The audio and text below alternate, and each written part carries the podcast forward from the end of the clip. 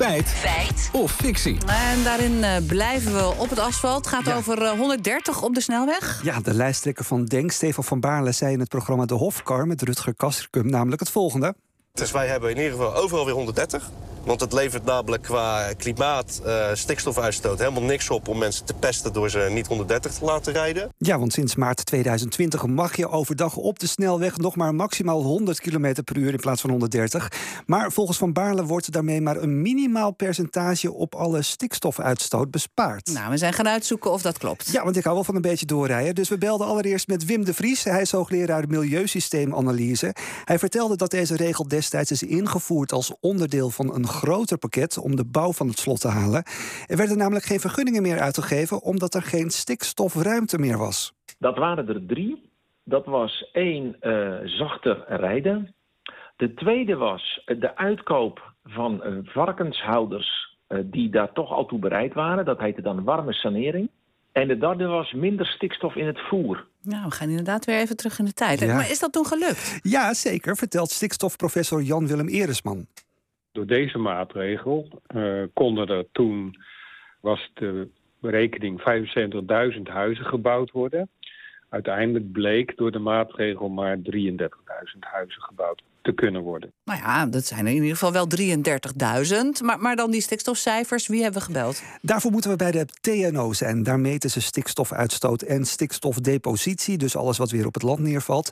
En Norbert Lichterink weet er alles van. Nou ja, als we over heel Nederland praten, dan praten we over een totale stikstofoxide-uitstoot van ongeveer 300 uh, kiloton.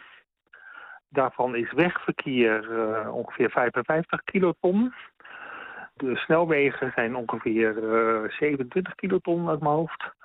En het effect van deze maatregel is in de orde ingeschat in de orde van 0,7 kiloton. Oké, okay, een hoop kiloton, een hoop cijfers. Maar ja. wat betekent dat dan procentueel gezien? Want, want daar had Van Baarden het over. Ja, pak je kladblokje er maar even bij. Want de totale stikstofuitstoot in Nederland is 300 kiloton. En door maximaal 100 te rijden besparen we 0,7 kiloton. Dat is dus ongeveer 0,2 procent. Ook Wim de Vries en Jan-Willem Eresman hebben het over getallen tussen de 0,2 en 0,3 procent. En dat is niet zoveel. Nee, dat klopt. Maar toch is deze maatregel niet onbelangrijk. Eigenlijk is Nederland natuurlijk op slot gegaan vanwege de laatste paar, uh, ja, de, de, de fracties van de procenten. Hè? Dus uh, we mogen niks meer meer. Uh, dus elke druppel is te veel. Ja, elke druppel stikstof is er een te veel. En dus zijn alle drie de heren die ik sprak vandaag geen voorstander van het idee van Denk om de maximaal snelheid weer te verhogen naar 130 km per uur. De Vries zegt er dit over. Het is net zoals tegen iemand zeggen, ja, je moet plastic scheiden. Maar joh, of jij dat nou erin gooit, ja, nou ja, dat maakt ook niks uit. Het gaat niet om dat kleine beetje wat je bijdraagt. Het gaat erom dat je je bewust moet zijn dat je het met z'n allen moet doen... wil je een probleem onder de controle hebben. Met nog veel meer andere dingen. Dit is maar het topje van de ijsberg. Nou, het is de optelling van alle maatregelen samen waar het uiteindelijk om gaat. Oké, okay, dus door maximaal 100 km per uur op de snelweg te rijden in plaats van 130...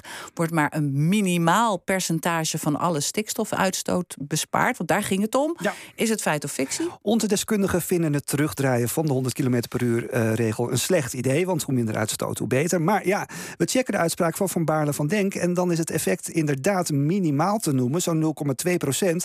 Dus wat Stefan van Baarle zegt, is een feit.